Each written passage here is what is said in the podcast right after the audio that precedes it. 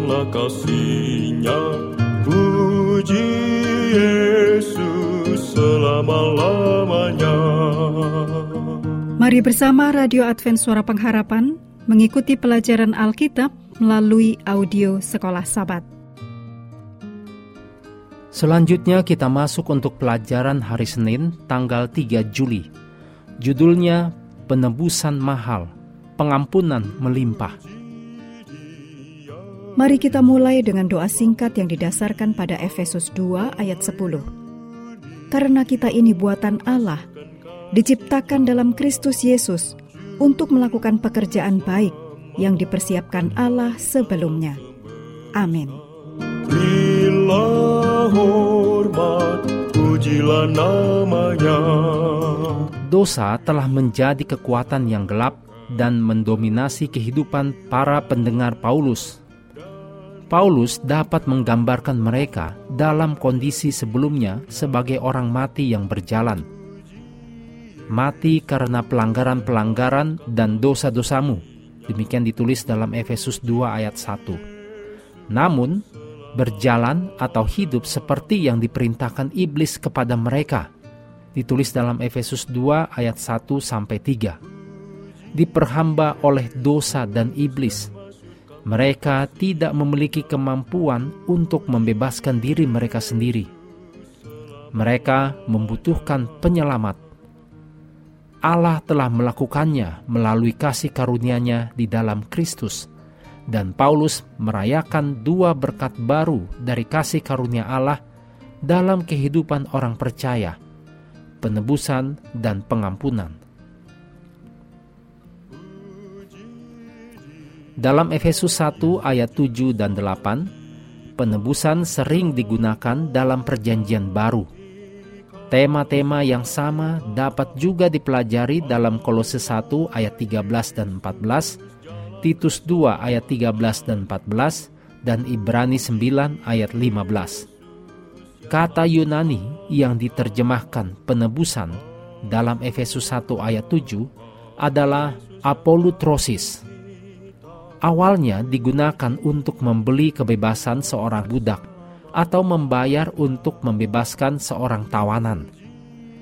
Seseorang dapat mendengar gema suara pedagang budak yang melelang barang dagangannya dan gemerincing dari belenggu yang mengikat para budak. Pada waktu Perjanjian Baru membahas penebusan, itu menyoroti mahalnya cara untuk membebaskan seorang budak. Kebebasan kita harus dibayar mahal, sebab di dalam Dia, yaitu Yesus, dan oleh darahnya kita beroleh penebusan. Ditulis dalam Efesus 1 ayat 7. Gagasan penebusan juga merayakan kemurahan kasih Allah yang membayar mahalnya kebebasan kita. Tuhan memberi kita kebebasan dan martabat. Dengan demikian, kita bukanlah lagi budak, Ditebus berarti diperlakukan sebagai pribadi, bukan objek. Itu artinya menjadi warga negara surga, bukan menjadi budak dunia. Demikian kutipan yang ditulis oleh Alistair E. McGrath dalam buku What Was God Doing on the Cross, halaman 78. Perhatikan baik-baik bahwa Allah membayar harga penebusan kepada iblis. Itu adalah pandangan dari abad pertengahan, bukan Alkitabiah.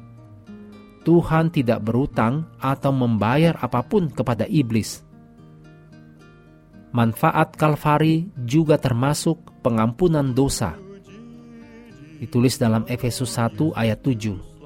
Di kayu salib, Kristus menanggung sendiri harga dosa kita baik masa lalu maupun masa depan, dengan menghapuskan surat hutang yang oleh ketentuan-ketentuan hukum mendakwa dan mengancam kita. Demikian ditulis dalam Kolose 2 ayat 14.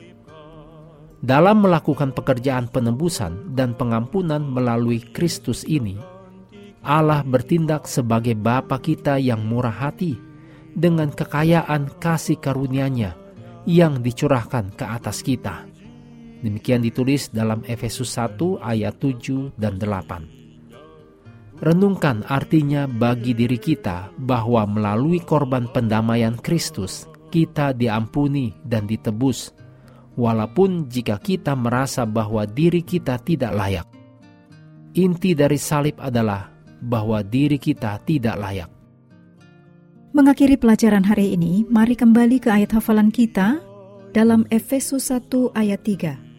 Terpujilah Allah dan Bapa Tuhan kita Yesus Kristus, yang dalam Kristus telah mengaruniakan kepada kita segala berkat rohani di dalam sorga. Kami terus mendorong Anda untuk mengambil waktu bersekutu dengan Tuhan setiap hari bersama dengan seluruh anggota keluarga. Baik melalui renungan harian, pelajaran sekolah sahabat, juga bacaan Alkitab sedunia, percayalah kepada nabi-nabinya, yang untuk hari ini melanjutkan dari Mazmur 58. Tuhan memberkati kita semua. Puji Yesus dan masyurkanlah kasihnya.